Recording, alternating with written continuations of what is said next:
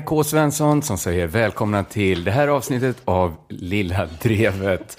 En podcast som görs i samarbete med Aftonbladet Kultur och Akademikernas A-kassa. Vill du göra om det där eller? Varför skulle jag vilja göra om det här? Jag bara fråga. Nej, men- Om det kändes bra, okej. Det Ja. kändes bra. Eh, den ni hörde här, det var Ola Söderholm. Välkommen, hoppas du känner dig välkommen. Älskade kompis. Ja, tack så mycket, roligt att vara här. Men idag har jag också eh, Nanna Johansson. Ja, jag blev helt... eh, Jag tappade talförmågan där. Jaha, Ja. vad märkligt. Skräckslagen den är. får du återfinna nu, för det här är ju Lilla Drevet som många envisas med att säga är Sveriges bästa podcast. Det är lite genant. Eh, vi sitter på ditt kontor, Ola, och blickar ut över Malmös Times Square-triangeln. Ritad av Greger Dahlström som formgivit eh, många av Malmös vackraste handelsgallerior. Och hör ni vilken nyhetsvecka det har varit? Mello. DI-festivalen. De fem sista stavelserna är inte stumma. Man läser ut alla. Eh, Många läser bara ut Mello, men det heter egentligen Melodifestivalen. Har ni sett årets upplaga? Eh, nej, inte alls faktiskt. Nej, inte alls. Inte jag heller. Eh, Den är alldeles för bögig för mig. Känner ni igen det? Det är en väldigt bögig festival. Ja, Vart är du på väg nu? Årets eller överhuvudtaget? Nej, överhuvudtaget. Att det är, jag har inte sett årets ens, men jag bara misstänker att det är alldeles för bögigt. Eh, Jag har inget emot bögar, men det är den här bögiga estetiken jag inte klarar av. Jag fattar att de kör på den, för den funkar ju, men det är inte riktigt för mig. Bara massa dålig bögmusik, tycker jag. Känner ni igen den känslan man kan gå i? Eller ni andra skäl inte titta kanske. 2003 blev folk rasande på Sivert Öholm när han gick ut och sa att det fanns en böglobby som tagit över Melodifestivalen. varför, varför bryr han sig så mycket om Melodifestivalen? Han bryr sig mer om eh, bögar tror jag. Eh, Men det Jag minns finns... inte det här kulturbråket, Ja, det var men jag ett, får eh, ta dig på orden. Ja, Ni får ta. ja, Det var en ledare i tidningen Dagen, eller något liknande, som startade det här.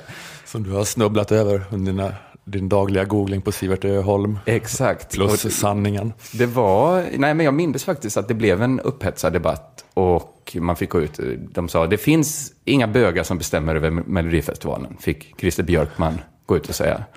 Eh, verkligen inte, sa 2003 års programledare Mark Levengood och Jonas Gardell. Var får man en sån tank, konstig tanke ifrån? Sa Magnus Carlsson och Andreas Lundstedt från Alcazar som tävlar i tävlingen. Det är lite så avdelning, fel plan, halva att ta debatten på. Och säga absolut inga bögar, får bestämma något här. Nej, precis. Ingen förstod vad Sivert talade om. Inte heller publiken, som bestod av bögar, utvecklingsstörda och utvecklingsstörda bögar. Ingen förstod vad Sivert menade med att bögarna skulle ha tagit över Melodifestivalen. Eh, jag tänker att Sivert Öholm inte skulle fått lika mycket kritik eh, för det uttalandet idag.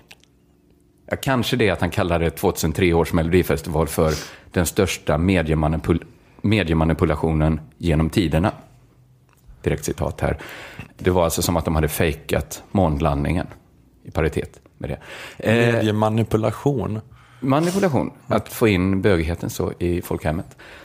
Jag tror liksom inte folk hade brytt sig om själva caset idag, att en böglobby styr Melodifestivalen.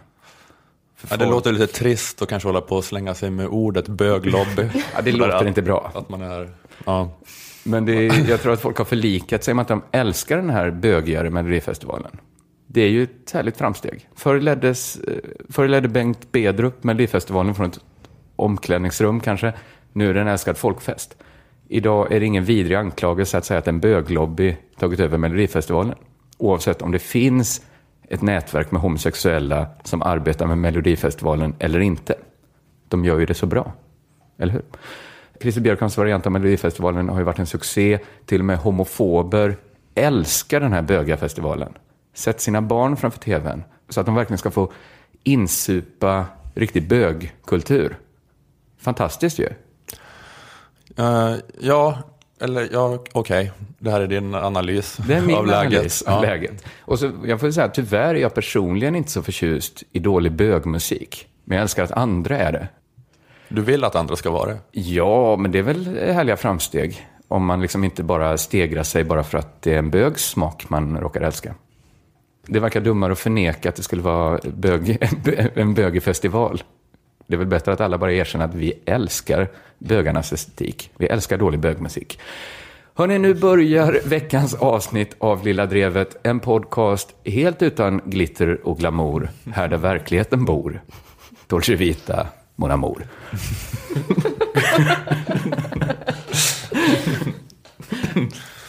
uh, ja, men jag tyckte det var ganska stringent.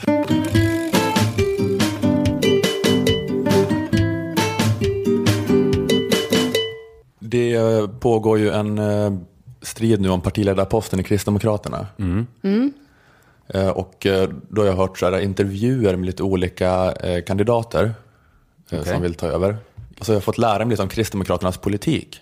Men sen tänkte du, efter det här måste jag börja jobba. Jag kan inte bara sitta här och gotta mig. Business and pleasure, som jag brukar kalla det. Och plöja, plöja lördagsintervjuer med olika kommunalråd i Jönköping. Mm, Det är som ett konferensknull för dig. Business and pleasure. Men jag har fått lära mig lite då om eh, Kristdemokraternas eh, politik. Eh, Och det här kanske är gamla nyheter för er, jag vet inte. Men det är så att Kristdemokraterna har rätt om samkönade äktenskap. Jaha. Visste ni det? Nej, nej. Ja, men det är väl ändå spontant inte det man har- har trott, att det är de som har rätt om det. Nej, jag blir nyfiken nu på att höra vad de Vad är det här för tycker som är start så av. Lilla Drevet? Ja, just det. Först snack om böglobby, sen KD rules. Ett nytt drev i stan. Åh Ja. nej. Nej, men jag, jag har aldrig lyssnat på vad de har sagt Nej. om homoäktenskapet riktigt. Jag har alltid bara utgått från att de hade fel. Jag har alltid utgått från att det finns säkert någon som tycker bättre bara. Oavsett rätt och fel. Ja, just det. Att de är mest åt fel hållet Ja, förmodligen. men det var så eh, 2009 att eh, den borgerliga regeringen drev igenom då att, att gaysen skulle få gifta sig. Men de fick inte med sig KD. De Mm. Nej. andra tre var tvungna att gå fram med förslaget själva. Men det spelar liksom ingen roll för alla andra i riksdagen var, var för. Men samtidigt då lade KD fram ett eget förslag om hur de tyckte att äktenskapslagstiftningen skulle ändras. Eh, Men det var ingen som tänkte på det då. Alltså ingen orkade ju kolla vad som stod i den motionen. Nej, nej, man tänkte att det står... Torka aldrig tårar utan handskar. det var det man tänkte, eller hur? Om du Ja. stöter på ett samkönat par, vig dem inte och torka aldrig deras tårar utan handskar. Ja, Ja. men vad stod det nu? Du håller oss på halster. Ja, men det var det man tänkte att det stod. Eh, Men nu hörde jag då på Ekots lördagsintervju, den senaste, eh, som var med eh, Ebba Busch Thor. Ni vet den unga, riviga, raffiga kristdemokraten. Har hon lagt till... Jag visste inte att hon hette Tor. Hon har Jo. gift sig med en fotbollsspelare som heter Thor i efternamn. Men vad OKD att inte ta hans efternamn helt och hållet? Man har så bra efternamn. Passar Kan vara det. jättebra om man är så höger. Vad heter Bush? Ja, men det är det som har varit, eh, eller hon har då gått ut med att hon kandiderar då att eh, ta över som partiledare efter Göran, bonustummen, eh, Hägglund. Men eh, Fan vad hemskt om det blir hans eftermäle. Vi ska inte överskatta vårt inflytande. nej, nej, precis. Ja, men Busch Thor som sagt, hon har beskrivits som höger, nykonservatismens stora hopp och poster girl i Sverige. Och den här intervjun gick ut ganska mycket på att ställa henne till svars för alla så konservativa uttalanden hon gjort under sin karriär. Så här, står du verkligen för det här? Mycket så här vittjande av fem år gamla blogginlägg hon skrivit. Så här, hon har hyllat Sarah Palin och så. Varför skrev du att du vill ha Tea Party, en israelisk stridsvagn med Sarah Palin? Varför skrev du att när oljan tar slut så kan vi börja elda med abortläkare istället? Nej, ehm, Men hon ångrar ingenting. Nej, så, nej, grejen var faktiskt att eh, hon, ha, hon tog tillbaka sin konservatism ganska mycket.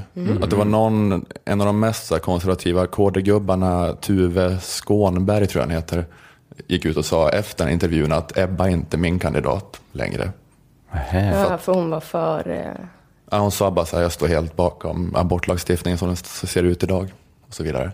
Okej. Så Ja. hon, hon fegade ur lite grann. Jo, men intervjuaren frågade också hur hon såg på samkönade äktenskap. Ja. Varför var KD emot legaliseringen som röstades igenom 2009? Och då förklarade Ebba hur KDs linje i frågan ser ut, hur de vill att det ska funka med äktenskap i Sverige. Eh, Hon beskrev det då så här, ursäkta lite långt eh, klipp.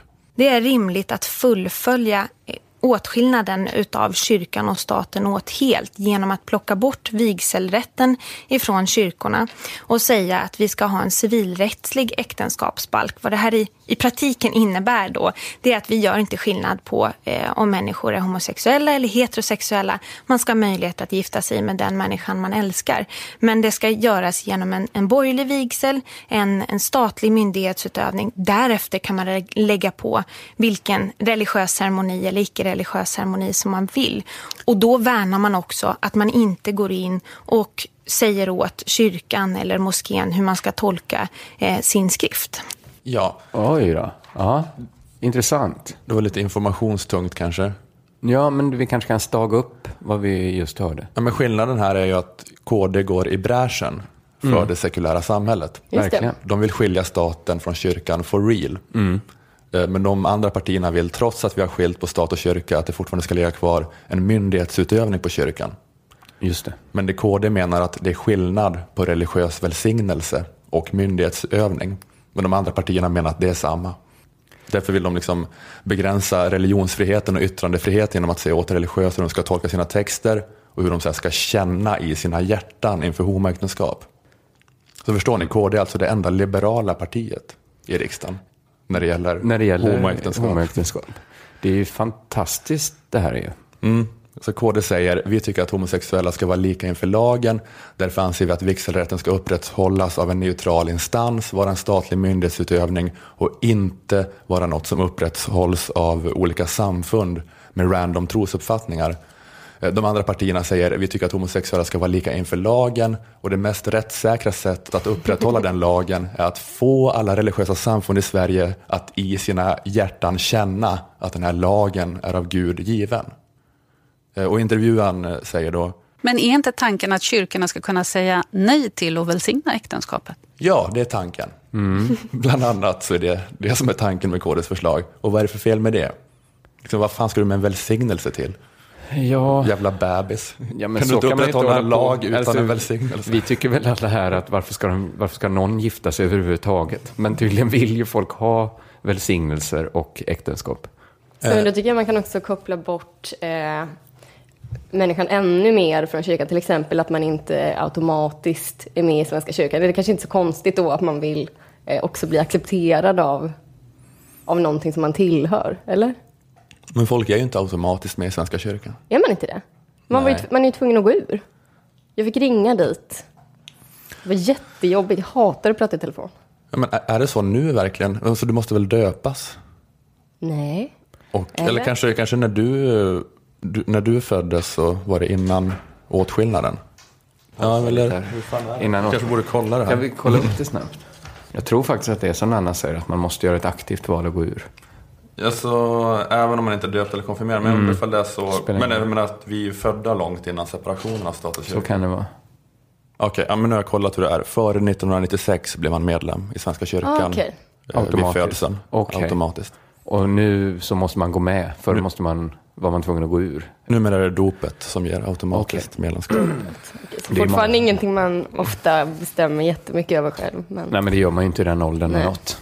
Eh, vad var vi nu? Förlåt. Mm. Alltså det, eller det, det är något eh, konstigt där med att man måste välsigna allting. Att alla måste ju inte välsigna allt. Alltså jag tänker att det är lite grann som att om en åsikt, någon företrädare har blivit bortröstad, då tvingar man inte den personen att ändra på den åsikten. Nej. Utan det som händer då, då får den inte bestämma. Mm. Om borgarna förlorar valet mot de rödgröna så tvingas Reinfeldt bort från makten. Det är inte så att han sitter kvar, men man tvingar honom att genomdriva en höjd a-kassa. Eller inte bara då att han, han, måste inte bara verkställa det beslutet, han måste också älska tanken på en högre a-kassa. Han måste omtolka sin Ayn Rand-bok så att, den, så att det, det överensstämmer med hans ideologi. Uh, ja, han måste verkställa och känna att det är hans hjärta, känna i hjärtat att det är en gudomlig plan. Uh, nej men det är inte så, han får fortfarande tycka vad han vill om det. Mm. Han måste inte välsigna en höjd a-kassa. Han måste inte börja lyssna på Timbuktu.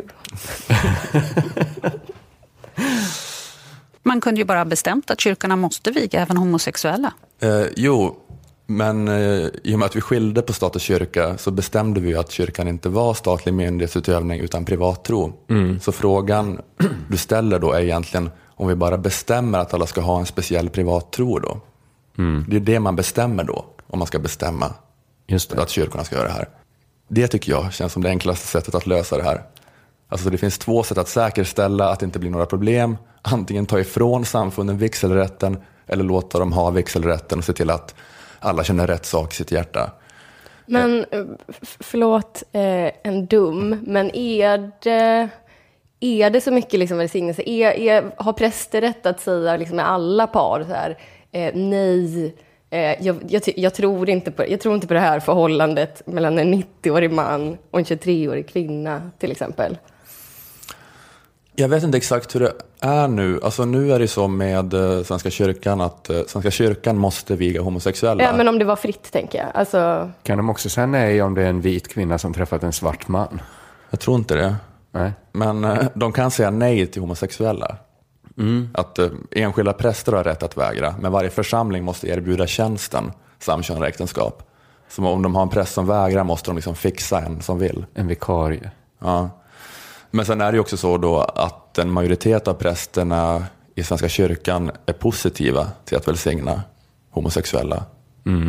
Så tror jag i alla fall att det är så. Så, så det hade inte gjort så stor skillnad i praktiken om man hade kört KDs modell. Alltså som du sa att de vill ha välsignelse, alltså de hade fått det ändå. Eh, att alla först gjorde en formell borgerlig vigsel och sen att man fick lägga till den här då eh, ceremonin om man vill. Alltså alla, alla homosexuella som hade velat lägga på ceremonin, gifta sig inför Gud i kyrkan hade kunnat göra det ändå. Alla de här bögarna och flatorna som av någon anledning brinner av längtan efter att få sin kärlek bekräftad av institutionen som alltid har motarbetat deras kärlek. Men eh, däremot är det så att de flesta frikyrkorna och de muslimska församlingarna, att de vill inte viga homosexuella Nej. och de behöver inte heller Nej. de får behålla sin växelrätt ändå. Jag läste en gammal artikel från när lagen drevs igenom då pingstpastorn Sten-Gunnar Hedin sa att eh, det känns jobbigt för citat eh, Visst är det diskriminering och det är egentligen odemokratiskt. Våra ämbetsmän kommer att välja bort medborgare som har laglig rätt att bli betjänade. Alltså så pingstkyrkan var liksom, varför tar ni inte ifrån oss vigselrätten? varför gör ni oss till myndighetsutövare inom samlevnadsjuridik? Lagen gör inte skillnad på par och par, men vår religiösa ceremoni gör det. Så varför ska vår religiösa ceremoni då vara myndighetsutövning? Varför tvingar ni oss att diskriminera folk som har laglig rätt att bli betjänade? Skriv från hjärtat från Frikyrkosverige. Som nu fångats upp av Ebba Busch Thor då. Ja, Det är ju fantastiskt. Ja, men det är lite så här ohelig allians. För att de som är för det här med en helt civilrättslig äktenskapsbalk är då KD, de religiösa samfunden och RFSU. men RFSU har inte fått med sig något annat riksdagsparti än KD. Men är inte det linje. ett tecken på den här fullkomliga liksom härdsmältan över, över liksom partigräns, eller liksom över höger-vänsterskala och moralistskalor och allting? Att vänstern sitter ihop med de konservativa nu, det är liksom inget konstigt. Man får bara vänja sig vid att det är så rörigt nu. Eller i och för sig, det ska sägas en sak om det här att, ehm, att det finns en skillnad kanske mellan RFSU och KD och det är att när de begav sig så var kanske inte KD för det här av riktigt rätt anledningar. Nej, För att okej. Göran Hägglund ville så här att, att ordet äktenskap ströks ur lagparagraferna. Alltså att den här liksom borgerliga vigseln som alla par, både homos och heteros först skulle göra, den fick inte kallas äktenskap. är det partnerskap då? Eller fall? Ja, eller. Jag tror att han var lite öppen för det, kanske giftermål till och med, men inte äktenskap.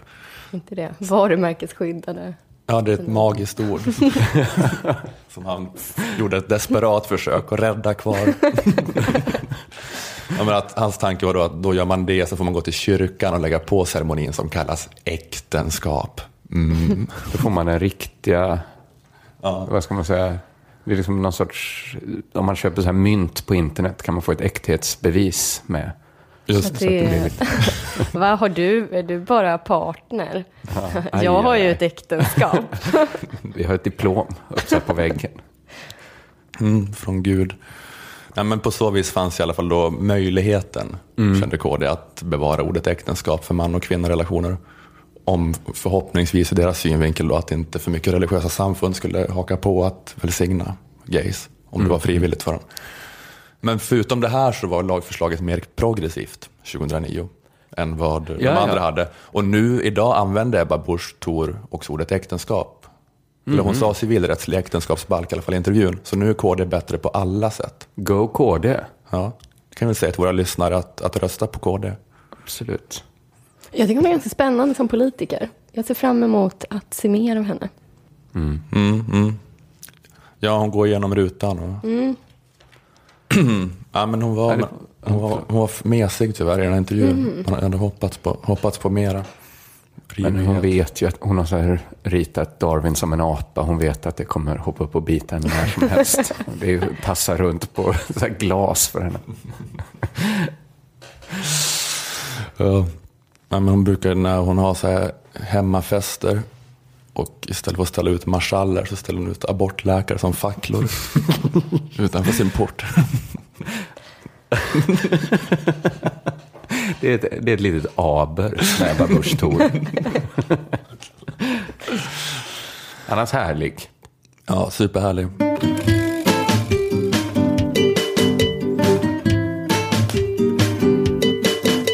Vi vill tacka... Får, får be om ursäkt till alla som har hängt med förresten i samkönade äktenskapsförslagens utveckling. Det kanske var gamla nyheter för jättemånga. Ja, men det tror jag. Jag tror för de flesta så är det n- nya nyheter. Mm, Eller okej. gamla nyheter som man inte visste fanns. Ja, eh, men vi vill tacka vår sponsor. Det var därför jag begärde ordet här. Akademikernas a-kassa. Det är tack vare dem som vi har, vårt, har det här som vårt jobb.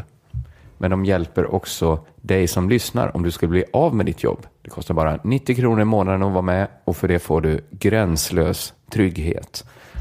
Du som är ung idag kommer med största sannolikhet ha ett helt annat arbetsliv än det dina föräldrar hade. Du kommer byta jobb oftare och därför också vara mellan jobb oftare.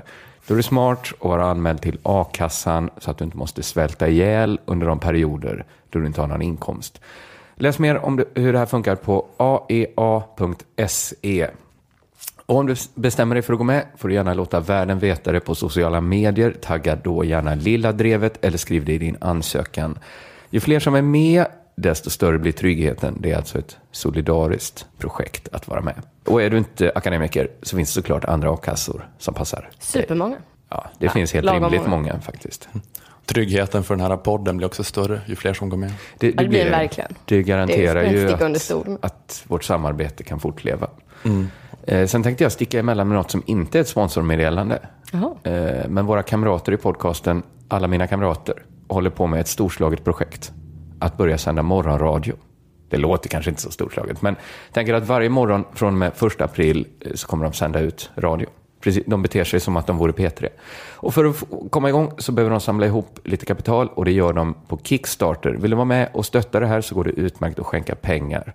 Nu ska vi ge The Man en jävla match. Poddare of the world, unite and take over. Vi har bara våra USB-mikrofoner att förlora. Alla mina kamrater, Kickstarter.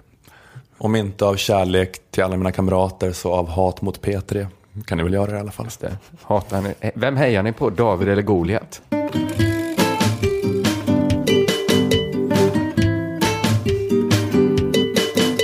Du Kringlan pratade ju om K. eh, K. Svensson. Aftonbladets eh, Flashback-gräv förra veckan.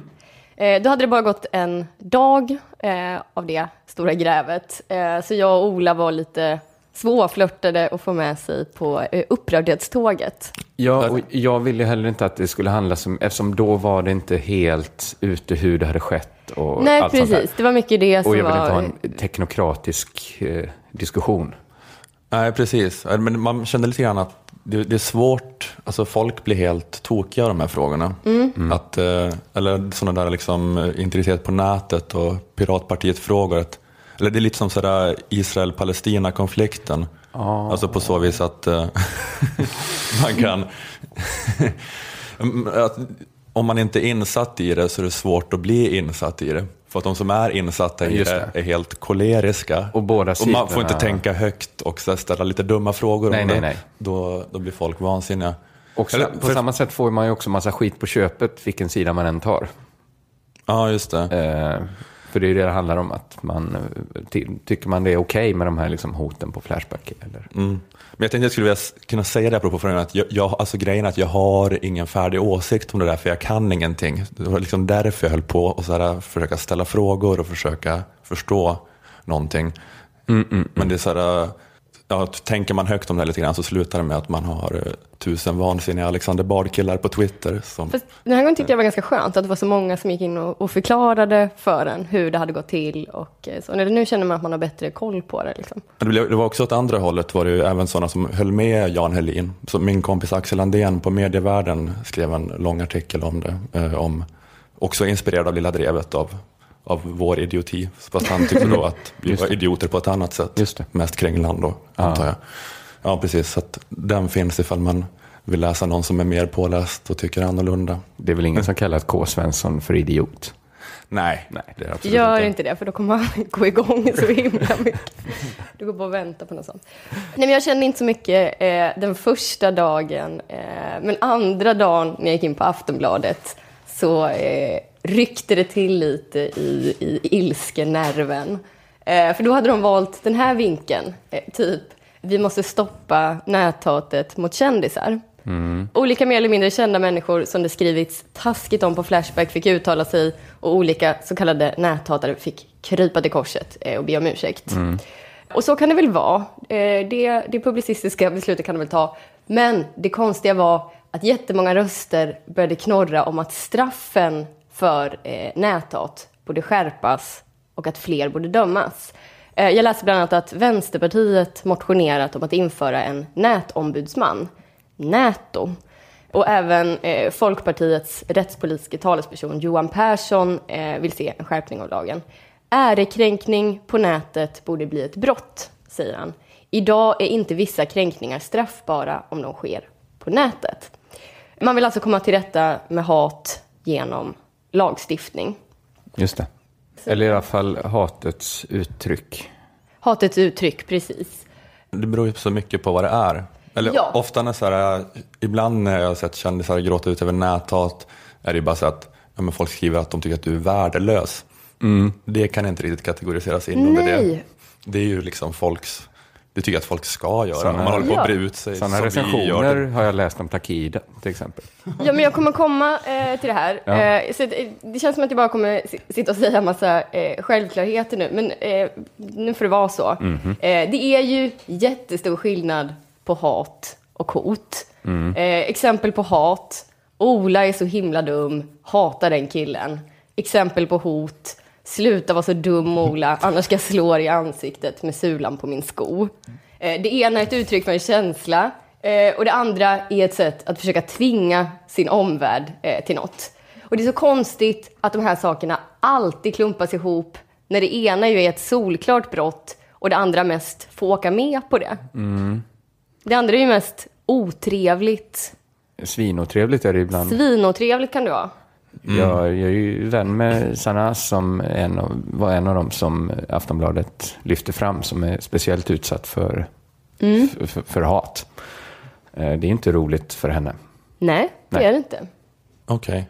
Eller vem då? Eller, Eh, Hon är barnprogramsledare på, Ah. på Barnkanalen. Just det. Mm. Men jag tycker också att folk hela tiden glömmer eh, att det är skillnad på att hata någon på håll och att eh, trakassera någon. Jag tycker det är en sak om en programledare under varje dag får liksom hundratals mejl från en person som vill berätta att den hatar henne. Och en helt annan sak om det här hatet finns någon annanstans. Till exempel i en avlägsen tråd på ett forum. Det är därför jag tycker det är lite konstigt att just Flashback får stå modell för det här eh, eh, porträttet av hat som ska stävjas med lagstiftning. För hatet på Flashback är ju på Flashback. Det är liksom inte i sig självt en form av trakasseri att skriva något taskigt om någon som kanske inte kommer läsa det. Man Nej. tvingar inte på sitt hat på någon. Eller invändning mot det där har varit att Flashback har blivit någon slags då så här anonymiserad offentlighet som står över granskning. Om du googlar på random offentlig person så är Flashback-tråden där folk så här spekulerar och tycker fritt om den det första du kommer till. Men om folk går in på Flashback och skaffar sig en uppfattning om någon människa så då vet jag inte riktigt. Då är väl det den människan som gör fel, som är alldeles för okritisk. Jag tänker alltid att det är sant. jag vet att det är fel det som står i tråden om mig och alla jag känner som jag vet någonting om. Jag vet att det är fel det som står i tråden om dem. Men om det är någon jag inte känner och läser tråden så tänker jag att det är sant. Ja, jag har nästan Någonstans. Jag älskar ju anonymiteten för den tänker jag leder till ärlighet. Så jag, jag, jag kollar, jag söker mest på mig själv på Flashback. För jag tänker att det är ärligare där. Det finns ingen sån, vad heter det, preferensjustering. Vad man brukar kalla det. Ja, precis. Ja, men det, är, det är intressant med så ärliga omdömen. Men, men jag menar att det ändå, så här, man kan ändå ha en sån diskussion om hur liksom avlägset och oskyldigt och maktlöst är egentligen Flashback. Ja, ja. Och hur mycket är det egentligen kanske en offentlighet som eh, man någonstans är, håller på och bedriver liksom opinion och Jo, men det är tycker och tänker sak om att om huruvida folk man anonymt, tycker att- Utan ansvarig man- utgivare som tar ansvar. Men det är en sak huruvida man tycker att de ska granskas ja. eller inte, men jag tycker en helt annan sak att börja prata om lagstiftning i det här sammanhanget. Eller förlåt, jag menar Att det skulle att vara har... fel, eller att det skulle vara liksom straffbart att skriva, att skriva något taskigt om någon.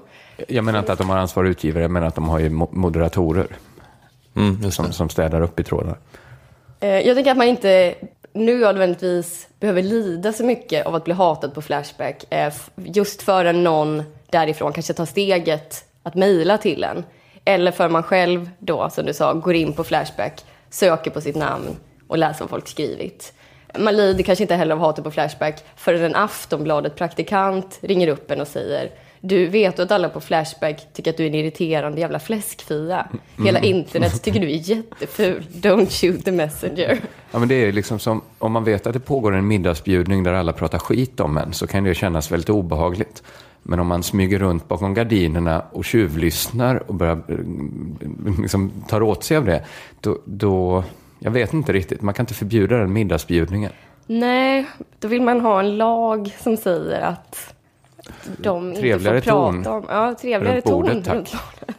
Låt maten tysta mun. Får ni näto på er? Ja, precis. Men du menar att man kan granska det, men eh, man ska inte ha någon sån konstig lag? Nej, eh, nej, det är det jag vänder mig emot.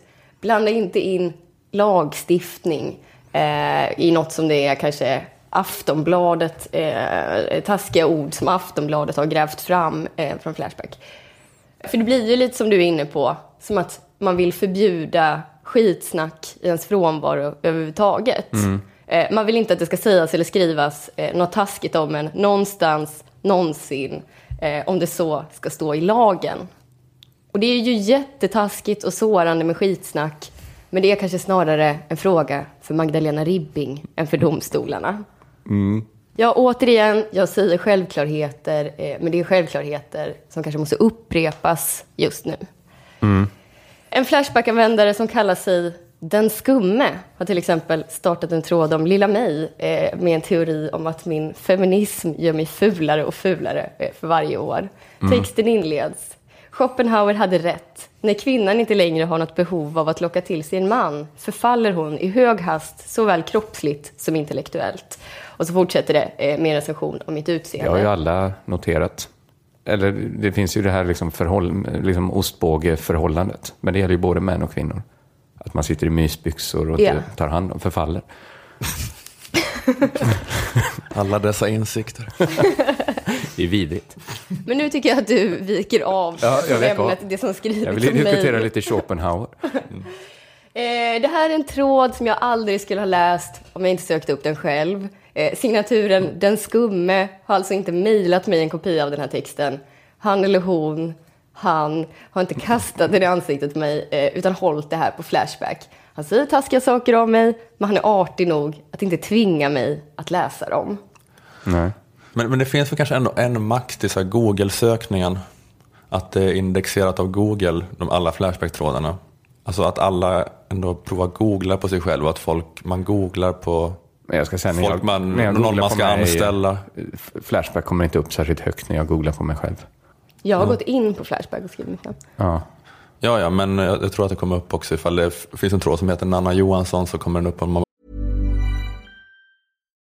Subtle results, still you, but with fewer lines. Botox Cosmetic, out of botulinum toxin A, is a prescription medicine used to temporarily make moderate to severe frown lines, crow's feet, and forehead lines look better in adults. Effects of Botox Cosmetic may spread hours to weeks after injection, causing serious symptoms. Alert your doctor right away as difficulty swallowing, speaking, breathing, eye problems, or muscle weakness may be a sign of a life threatening condition. Patients with these conditions before injection are at highest risk. Don't receive Botox Cosmetic if you have a skin infection. Side effects may include allergic reactions, injection site pain, headache, eyebrow and eyelid drooping, and eyelid swelling. Allergic reactions can include rash, welts, asthma symptoms, and dizziness. Tell your doctor about medical history, muscle or nerve conditions including ALS or Lou Gehrig's disease, myasthenia gravis, or Lambert-Eaton syndrome and medications, including botulinum toxins, as these may increase the risk of serious side effects. For full safety information, visit BotoxCosmetic.com or call 877-351-0300. See for yourself at BotoxCosmetic.com. Jag var googla på Nanna Johansson också. Men det här säger ju ingenting om att det ska vara någon lagstiftning. Det är absolut inte det jag säger. Men det här Nej. kanske snarare då kan vara en eh, anledning att granska. För att det kanske ändå är mer offentligt. Alltså det är inget hemligt forum utan att det ändå, de verkar i en offentlighet. De som så här, skriver random skit om olika kändisar där. Det Att, att det- ta- att det kan göra granskandet lite mer legitimt. Jag vill bara skjuta in att Google är ju inte någon, offent, någon allmän offentlighet. Det är ju en privat aktör. Nej, men jag menar bara att, att det är liksom ingen eh, rättighet att inte få en eh, skitdålig tråd eh, högt Nej. upp på Google. Det är liksom inte ett statligt verk där, där rättvisa eh, ska, ska gälla. Nej, men det är inte en rättighet att skriva vad som helst om vem som helst som hamnar högt upp på Google utan att någonsin få en fråga om vad fan menar du? Och ta ansvar för det. Jag vet inte. Då får Fast folk sluta vi- använda vi Google då, om de tycker det är så dåligt. saker. Ja, Jag, jag pratar inte om, om eh, hur man, ska- om man ska granska det eller inte. Eh, utan om... Alltså jag tycker det är jättedumt att börja prata om lagar. Mm, eh, det mm, antar jag att ni håller med mig om också. Ehm, men jag tycker det är ganska skönt här, eh, som jag sa, att han, han liksom inte tvingar på mig eh, det här. Men även om han hade gjort det eh, så hade jag faktiskt hellre fått ett mejl från honom, den skumme, varje dag i resten av mitt liv, eh, än att ha någon slags lag som säger att man bara får skriva trevliga saker till varandra. Jag vill ha rätt att skriva taskigheter om och till folk. Och då kan jag inte förvägra den skumme den rättigheten. Det var hans användarnamn, den skumme. Den skumme. Den skumme kan vara helt lugn. Inte förrän han ringer upp mig mitt i natten och flåsar i mitt öra att han kommer döda mig om jag inte blir snyggare. Eh, inte förrän dess kommer jag någonsin att anmäla honom. Eh, för jag tycker att skitsnack ska vara en mänsklig rättighet. Skitsnack är inte bara en ventil, det är kul också. Ett sätt att umgås och träffa kompisar. Ett socialt shit. Eh, och det går liksom inte att komma runt att folk snackar skit om en. Men det fina med skitsnack är ju att man nästan alltid slipper höra det. Om man inte typ ja, men sätter en liten mikrofon på en kompis. Men då är man ju ett psyko. Eller poddare. Det snackas mycket skit Snackas i poddar. skit poddar. Nu är det du som säger suis den skumme, tycker jag. Ja. Eh, men en fråga eh, till alla som vill lagstifta bort eh, elakheter på Flashback. Vill ni verkligen leva i en värld där man inte får hata lite på avstånd? Vill ni att era barn ska växa upp i ett samhälle där man inte får snacka skit om någon? Nej, det tror jag faktiskt inte att ni vill. Och det är klart man får bli ledsen för taskigheter som skrivs eh, på forum som Flashback. Och man skulle absolut få skriva krönikor om hur ledsen man blir. Men dra inte in lagstiftning i det hela. Eh, det var allt med, i den här självklarheterna. Det var inte självklarheter. Men Det var Vänsterpartiet alltså? Vänsterpartiet som vill införa näto. Men det verkar som att alla, alla hoppar på det här tåget nu. Morgan Johansson har väl också varit ute och liksom vevat med armarna. Betett sig märkligt. Eh, Men... Fan, han eh, har förfallit Morgan Johansson. Ja, fy fan. Nanna lägger in sitt veto mot näto. Nej, fy Ja, Där satt den. Perfekt. Bara köra en jingel på det och så är vi igång. Nu drar vi igång den här podden. Okej, okej, okej. Jo, jo, jo!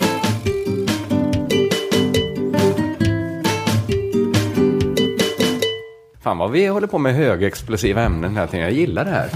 Först bara säga att KD har rätt i samlevnad. Sen kommer Nanna och säga att alla ska få näthata. Jag skulle vilja prata om mariu, marijuana. Marijuana. Det är inte tufft. Jag önskar att det vore tufft, men det blir nästan... Varför har du då en t-shirt med ett sånt cannabisblad på sig? Det har jag Varför har du så här bössa med påklistrade dreads? Så att det har ser jag ut exakt som Bob Marley. som röker en joint. Jag, jag tar det här, den här raljansen, eh, inte för att det är mina kläder, utan för att ni bevisar min tes på ett utsökt sätt. Att det alltid blir töntigt när folk pratar om marijuana. Eh, när Filip och Fredrik äter en hash brownie i tv och blir flamsiga så känner man att det är töntarna som både skrattar och förfasas. Eh, alltså det, det är töntigt att gå hem och skola on their asses, men det är också lite töntigt att tycka att det är en häftig grej. Man- Ja, det, cool, det enda coola man kan vara är blasé. Ja, och säga vad är det här för lamt, jackass, provocerande flera år för sent. Det är inte så coolt att ha en åsikt om Filip och Fredriks marijuana-bruk, för det verkar vara under kontroll. När man hör att de ska vara höga i en amerikansk podd så tänker man inte hoppas det här inte leder till tyngre missbruk. Hoppas de inte börjar skjuta heroin på Instagram nu. eh, men jag tycker folk ska Jag skulle tycka det var jättespännande om de provar heroin. Ja, det är nästa. Det kan vi väl tipsa om. Eh, Hoppas jag, de inte blir utsatta för trafficking av en rumänsk farbror snart för att finansiera sitt heroinmissbruk. Ja. eh, det skulle de säkert tycka var innehåll. Eh, jag tycker i alla fall att de, de och andra ska ha cred för att de försöker. För väldigt få människor med eh, kulturellt kapital vill vara den där killen som driver ett drog, drogliberalt case. Det är någonting med drogliberaler som man inte gillar, fast man är det själv. Lång eh, brasklapp här för att, för att du ska kunna komma in och vara den killen. Brasklappen fortsätter. Jag ser nämligen hur... växer på marken, det är naturligt. Titta, titta, titta, Det är titta, titta, naturligt. titta på fan när han borstar sin Hur kan det gris. vara olagligt, något som är naturligt? Jag ser... Hej, hej, jag heter Krigland. Det är naturligt, K. Svensson, det växer K. på Svensson marken. ska det vara. Jag ser hur snygga tjejer som Nanna och Ola börjar himla med ögonen så fort någon kille börjar prata legalisering. Det är en töntig åsikt att komma dragandes med till en fest. Som att komma i den här tröjan med ett stort han Nyttigare än potatis. Titta, titta, titta, titta, titta. Den här tröjan har han köpt i Christiania. Så är det ingen på någon trivsam middag som tycker han verkar spännande. Jag vill lyssna på vad han har att säga. Är det där ett statement, din t-shirt? Är du för en mindre restriktiv narkotikapolitik? Det var en tant i Kalifornien vars cancer botade som rökte på. Men fortsätt, ge mig mer case, Ola. Bara gör det, bara gör det. Det är sådana som ni som gör att Aron Flam måste ligga med så unga tjejer. För det är de enda som står ut med att höra om hur viktigt det är att alla får ta droger. Nu är vi inne på smala referenser. Breda referens, hiphop-duon far och son är tvungna att ha 13 års gräns på sina konserter. Tur för dem att det rimmar så bra med deras hebefila böjelse, deras legaliseringskampanj. Eh, det finns något, skojar bara såklart, det finns något snubbigt över legaliseringsdebatten som gör att det blir en debatt vi aldrig riktigt har på riktigt. Massor av offentliga människor eh, avstår debatten trots att de röker hash. För det kan väl hiphop-killarna syssla med, tycker man. Och det här tycker jag är tråkigt. För jag tänker att det måste gå att tala om marijuana utan att det blir töntigt. Jag känner hur jag är nu, medan jag säger ordet marijuana. Det blir lite töntigare. Eh, Men jag tar den smällen. Nu är brasklappen slut. Nu kör vi. Bra braskat, va? Det finns, eh, ett, ett undantag är eh, den Magnus Linton. Han Om tycker den- kokain. Ja, alltså lite droger i allmänhet. Jag tror han sagt att cannabis borde legaliseras också. Att han känns bara, men att han är en sån, eh, Han är verkligen inte så drogig. nej precis, han är mer så, och... ja, så påläst eh, socialist men som är liberal i rätt frågor och har varit, det hörs att han har varit i Mexiko och undersökt alla knarkkrig och sådär. Så han har så mycket på fötterna. Mm, Jag läste så, hans bok. Jag läste också hans bok om kokain i Colombia. Väldigt det kan vi väl rekommendera folk att läsa. Det är, det är ett ganska kraftfullt angrepp mot eh, war on drugs. Eh, skit i det. Vi ska tala om marijuana nu. Det finns människor i Sverige som röker väldigt mycket cannabis. Som identifierar sig som gräsrökare. Som trivs bäst när han eller hon är i det statet. Det är en slags livsstil. Ja, men det får man säga. När man pratar om legalisering så lyfter alltid drogförespråkarna fram helt skötsamma småborgerliga människor som delar på en joint en vanlig tisdagskväll. Ungefär som ett par kan dela på en flaska vin och känna sig lite busiga en helt vanlig tisdagskväll utan att bli råalkade för det. Men det är ju inte de människorna som staten, the man, oroar sig för. En majoritet av Sveriges politiker ogillar de som har gräs som livsstil. De som är höga mest hela tiden. Som trivs och identifierar sig med den lunken. Det är en bespottad livsstil. Ja, det är det ju. Folk hävdar att folk med den livsstilen är lata, inte kommer på några bra idéer, eh, eller inga idéer som är bra på riktigt. Tjatiga. Ett patrask. Ett riktigt patrask. Eh, Det är ju om de här människorna debatten handlar om. När SVT gör ett skrämmande reportage från Colorado så intervjuar de en kille som röker hela, hela tiden. Han rullar upp ett bakplåtspapper med gräs, två och ett halvt kilo, för att få upp aptiten innan frukost. Det är motståndarsidans argument. Vi får fler potheads. Då borde man inte säga, men de flesta förblir lydiga samhällsmedborgare, samhällsmedborgare som delar en joint om tisdagskvällarna. Du menar man ska försvara den gruppen Man ska istället? säga, vad fan har du emot potheads? Talar om romer på det sättet? Vi kan inte ändra den här lagen, för då får vi fler romer. Men potheads är så jobbiga. Det tycker folk att romska tiggare också är. Inte våra lyssnare såklart, men andra poddars lyssnare tycker romerna som sitter och tigger är pissjobbiga. Eh, man kan inte lagstifta, det har vi sagt tidigare, man kan inte lagstifta bort jobbiga människor. Eh, man kan inte låta hatet segra. Alla måste få finnas, även potheads. Det är så man borde svara när motståndarsidan eh, visar upp den här killen som röker ett bakplåtspapper joint.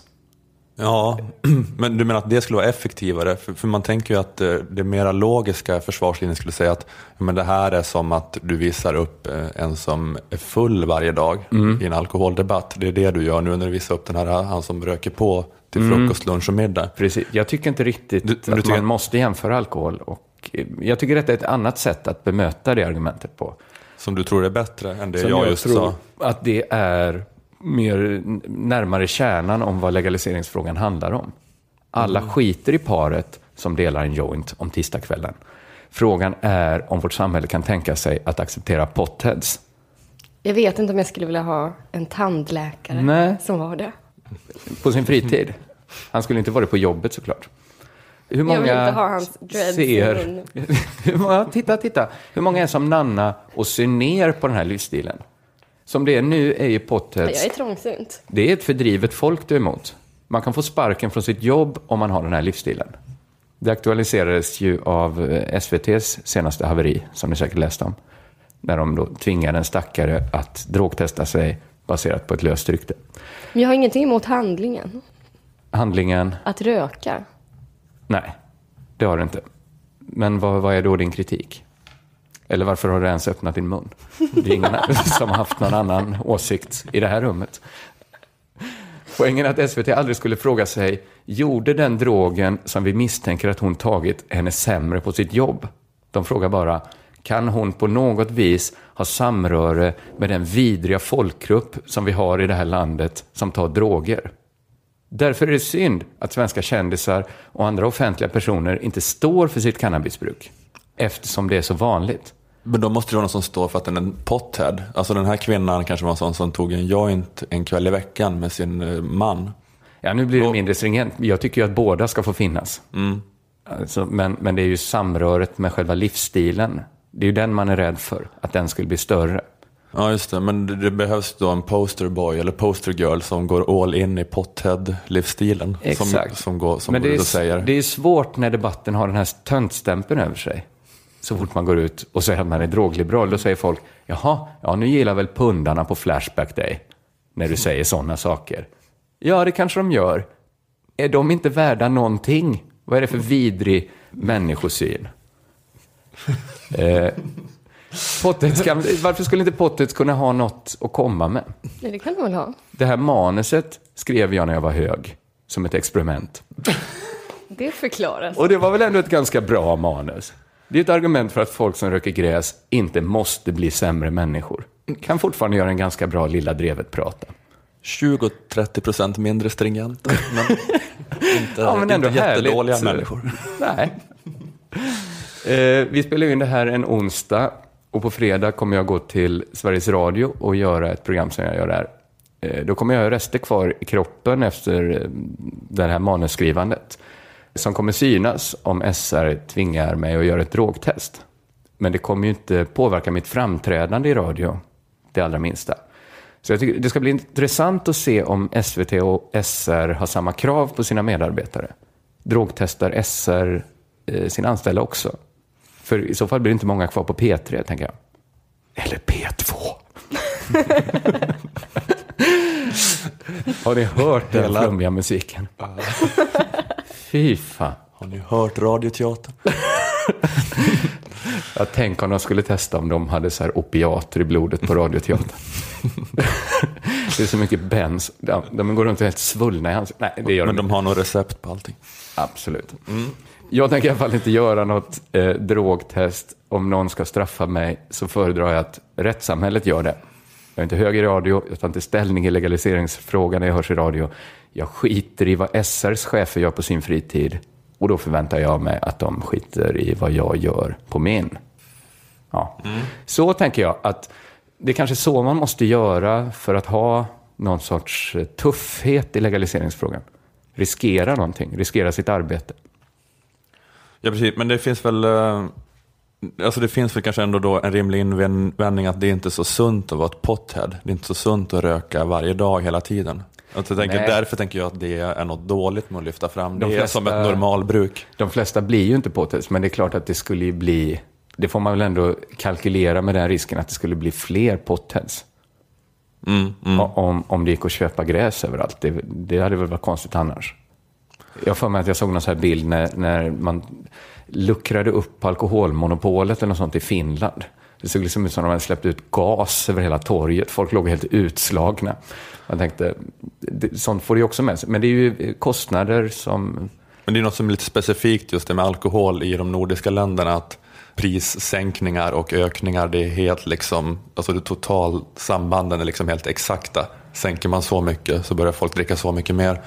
Att det är så här vodkabältet. Men så är det ju inte i, ja men i, i Europa söder om Skandinavien så är det ju gratis Ja. med sprit. Det är bara att vi inte kan hantera just det här. Att vi är så vana vid att staten måste säga till oss hur mycket vi får dricka. Vi dricker exakt så mycket som vi får oavsett hur mycket det är. Det är en konstig inställning. Nej, men, Så att vi kanske inte har, skulle ha samma kultur kring cannabis. Nej, att det, är sociala tabut skulle leva kvar. Men det är ju möjligt att fler, eller det är väl högst tänkbart att fler skulle röka cannabis och fler skulle bli potheads. Mm. Eh, och det, ja, det är väl det, det, det, Välkomna det, är ju det jag så får menar. du kompisar.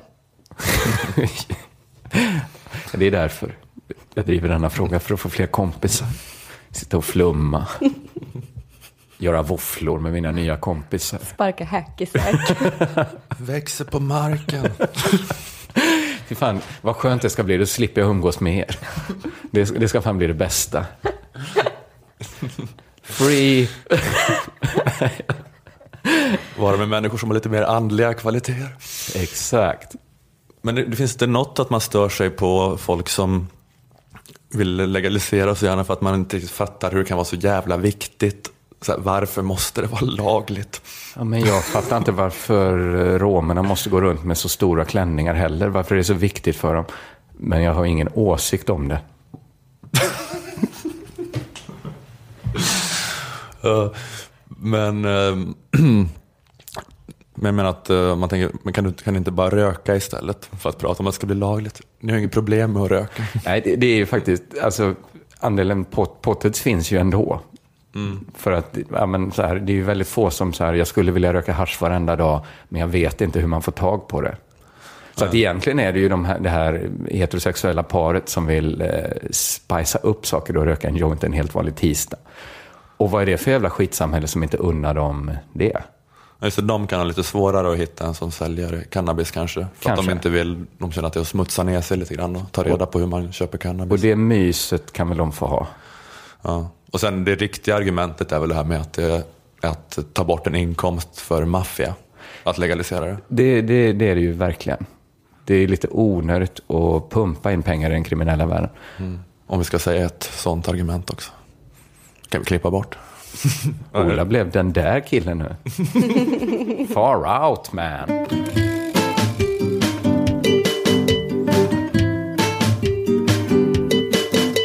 Det är ju vanligt att man ger muslimer chansen att ta avstånd. Mm. Man bara bjussar på det medieutrymmet.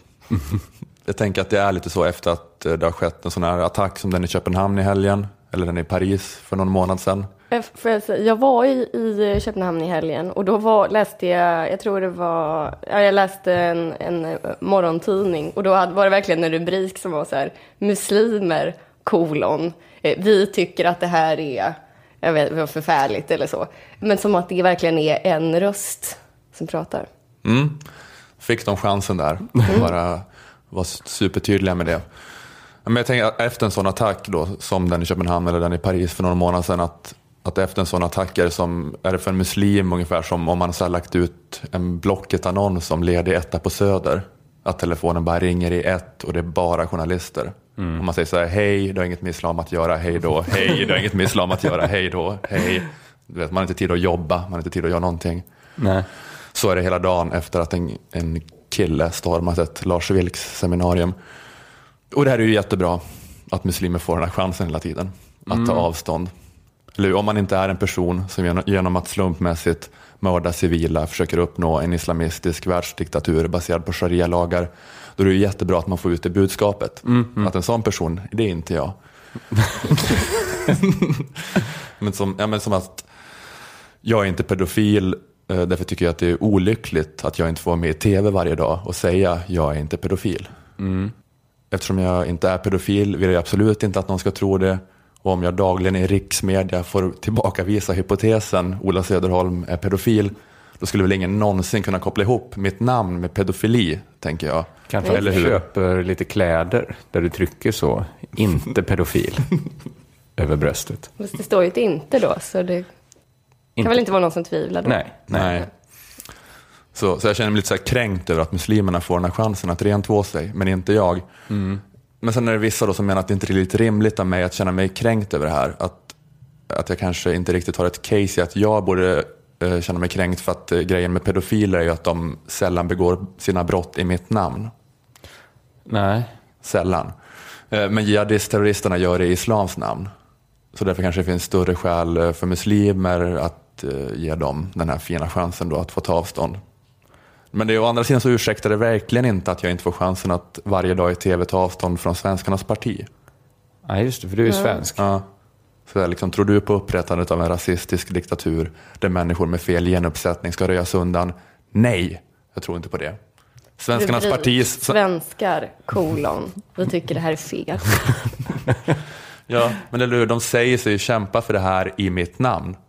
Så därför är det viktigt för mig att säga inte i mitt namn. Jag är inte nazist. Men jag bereds inte det här utrymmet. Så jag är avundsjuk på muslimerna att de får det här privilegiet. Men, men då hörde jag den muslimske teologen Salahuddin Barakat i Ekots lördagsintervju förra veckans. Jag har fått med båda. En dubbel. Hela gottepåsen. Ni som kryssat i dubben, ta med talongen till affären. Lilla drevet bingon. Mm, det var från förra veckan, så det var innan Köpenhamnsdådet. Eh, intervjuaren tog upp den här videon där Islamiska staten eldar upp en jordansk stridspilot i en bur. Är det här något som du skulle vilja att, att ni som företräder islam i Sverige skulle ställa er bakom och fördöma, ta avstånd ifrån? Det är ingenting som vi har ansvar i per se att ta avstånd ifrån. Det är inte vi som har gjort det, vi står inte bakom det. Så det är ingenting samhället kan ålägga oss att ta ansvar för och ta avstånd för. Men utifrån mitt, min religiösa övertygelse så tar jag ju avstånd för att jag ser att religionen missbrukas. Ja, är det här då något ni vill gå ut och som en röst berätta för världen att det här är vi emot? Och han svarar inte riktigt det här rungande jaet, som jag tycker skulle vara så självklart. Men det är också så härligt den här P1-felsägningen att det är islam. Alltid på väg att säga muslim. aldrig riktigt, det sätter sig aldrig riktigt i ryggraden. Skillnaden på muslimer och islam. Men vad beror det på då, att det inte kommer det här rungande jaet som jag förväntade mig? Är det också så att, att muslimska eh, religiösa ledare är splittrade i synen på IS i Sverige? Nej, det skulle jag inte säga. Eh, det är man inte.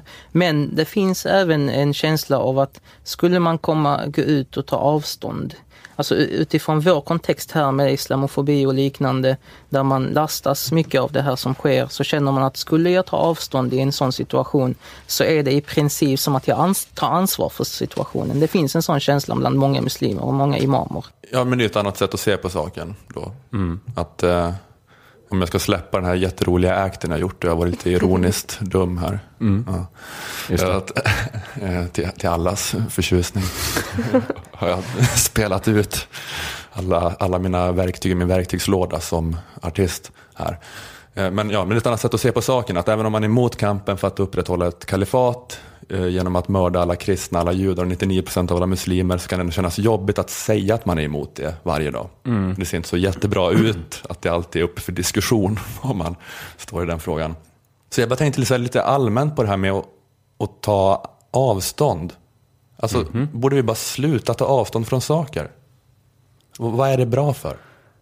För vem ja, skull? Alla borde ju bara förutsätta att, att man inte tycker det är bra att, att eh, elda upp folk.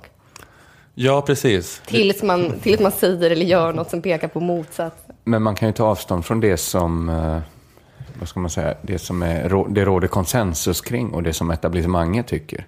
Där, man ja. liksom, där det är en markering att ta alltså, Ja, när det är en överraskande åsikt. När det inte är så att man tar av, man säger jag är inte pedofil. Alltså, fattar du vad jag Ja, precis. Den här folkpartisten som var med i Aktuellt när Jan Björklund blev förnedrad. Där kan man ju säga att hon var, ville ta avstånd från Folkpartiets nya linje i migrationspolitiken. Mm. Mm.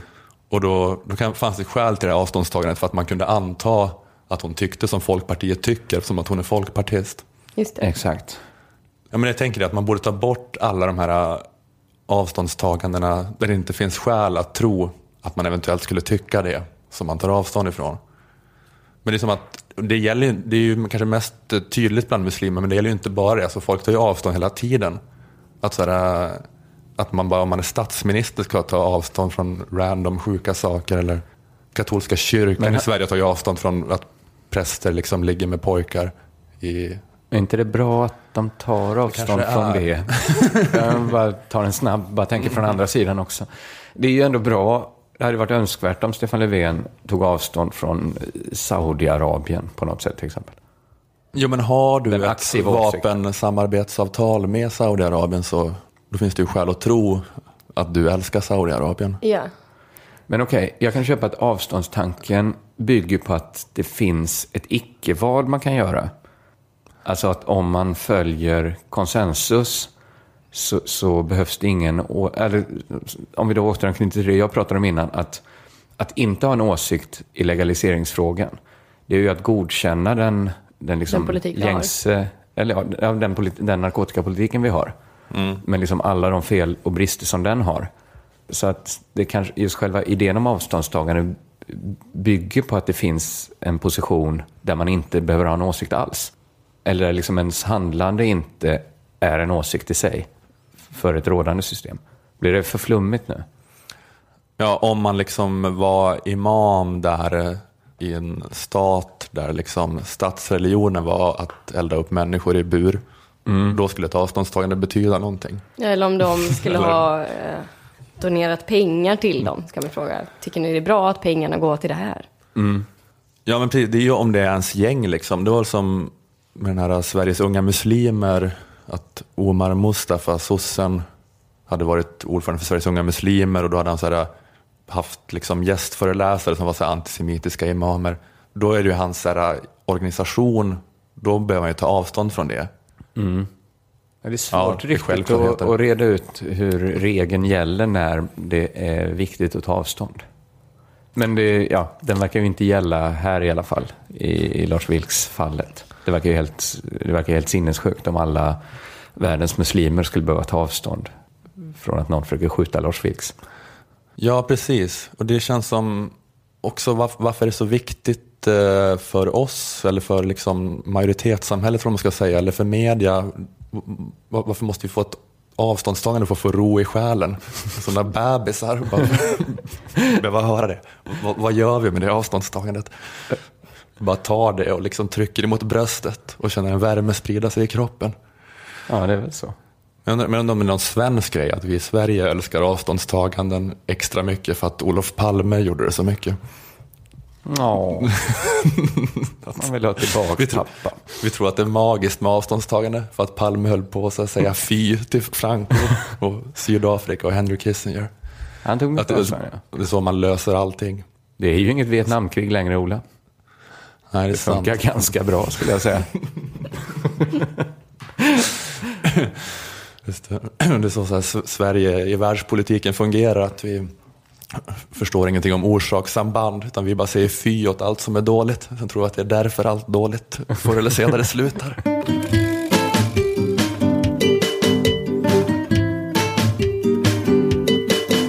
Innan vi släpper er så ska jag och Ola påminna, eller kanske inte påminna, för vi har aldrig sagt det i den här podden, men vi ska ut på turné, du och jag. En eh, ömhet kallar vi den. Just det. Killarna från Lilla Drevet gör stand-up om ömhet. Och allt som inte är ömhet också. Ja, det kan bli mera tyngdpunkt på det som inte är ömhet. Det kan det bli. Det kan också bli rena råheter och, och liksom osmakligheter. Det vet, ja, det, det vet vi ju att det kommer bli. Eh, men det kommer bli roligt. Eh, det kan jag garantera. Och eh, på Facebook finns det en page som man kan gilla där det finns information. Eh, där vi, lägger, vi kommer lägga ut fler och fler turnédatum. Ju mer som blir klart. Eh, och det finns också en, sida som he- en webbsida som heter um, omhetsturnén.wordpress.com. Facebook-sidan heter väl ömhet? Killarna från, med killarna från Lilla Drevet. Jag tror det, det Ja, är enklast när folk googlar eller söker på, på frihand. Det är garanterat tjejfritt. Ja, det blir det. Marcus Johansson är konferencier från Oslipat. Precis. Så det är garanterat roligt. Och inte eh, orelaterat till att det inte är några tjejer på scen är det roligt. Eh, Men, men båda, det är två sanna faktum. Vi hade jättegärna haft med Nanna och Liv ifall de hade velat ställa sig på en stand-up-scen. Alltså ingen hade väl varit gladare än du och jag, Ola, Nej. om Nanna och Liv hade velat vara med. Jag kan komma och riva av några rutiner. Nanna kommer inte komma och riva av några tid, kan, kan vi säga bara. Så, så att det finns ingen anledning, om ni redan har köpt biljett, att lämna tillbaka dem. Eh, vi tackar för oss, ha det så himla bra, hej hej.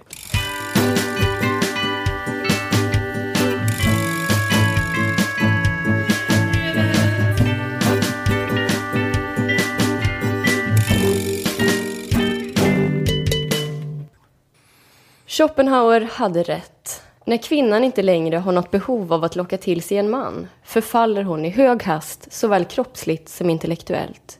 Min tes är att ju mer feministisk en kvinna är, desto mindre intresse har hon av att finna sig i en man och desto fortare sker det förfall som Schopenhauer beskrev. Föreställ er Nanna Johansson för fem år sedan. Hennes hy var frisk, hennes ögon klara och glimrande, rösten len och liksom sövande. Hon stod ut bland de andra feministerna som den enda verkligt sköna kvinnan i församlingen. Men sen inträffade något. Johansson började publicera radikalfeministiska manshataserier och tog värvning i den normkritiska ideologiapparaten. Hon började skriva satiriska artiklar i Nöjesguiden och sedermera för den ännu lite mera PK-förpestade hemsidan Politism. Hennes kvinnlighet lämnade henne på samma sätt som den färgglada fjäderskruden lämnar en fasan som med sitt lockrop misslyckats att tillkalla sig en hona. Nu tycker jag mig, på den på Wikipedia publicerade bilden från Bokmässan i Göteborg, kunna skönja tendenser till en begynnande tantighet. Hon är fortfarande attraktiv i förhållande till övriga feminister, men i jämförelse med sitt fem år yngre jag är hon närmast en veritabel vildvittra. Redan. Sån är världens gång, säger vi, men vad får det för långtgående konsekvenser? För Tina Rosenberg och somliga obskyra amerikanska feminister har förfallsprocessen gått så långt att de har blivit ett slags gråa kopior av män. Är den yttersta konsekvensen av detta förfall i själva verket det totala utplånandet av kvinnan som sådan? Kommer vi i framtiden att se en ny människoart utvecklas i takt med att kvinnorna blir allt mer ointresserade av männen? Kommer feminister och normkritiska tillsammans ingå i tredje kön? Det privilegierade. Undertecknat av Den skumme. Gåshud. Vilken stilist. Verkligen. en ordens eh, man eller person. Men hade du en karriär innan du började hålla på med normkritik och feminism som han minns dig ifrån, då du var snygg? Det var bara Eller- så att jag badade i åsnemjölk och honung, eh, åt bara frukt. Eh, men- sen men- blev jag feminist och då tog det inte lång tid. Jag menar att du kan inte ha varit känd för den här Flashback-användaren innan du började hålla på med feminism, för att det är det som din Nej, offentliga karriär har jag bestått i. precis hade liksom börjat med det och det inte hade fått fäste i, i kroppen. Liksom. Ja. Sorgligt då. Ja. Så han har bara fått se dig på ett sluttande plan hela, hela tiden. Jättetråkigt.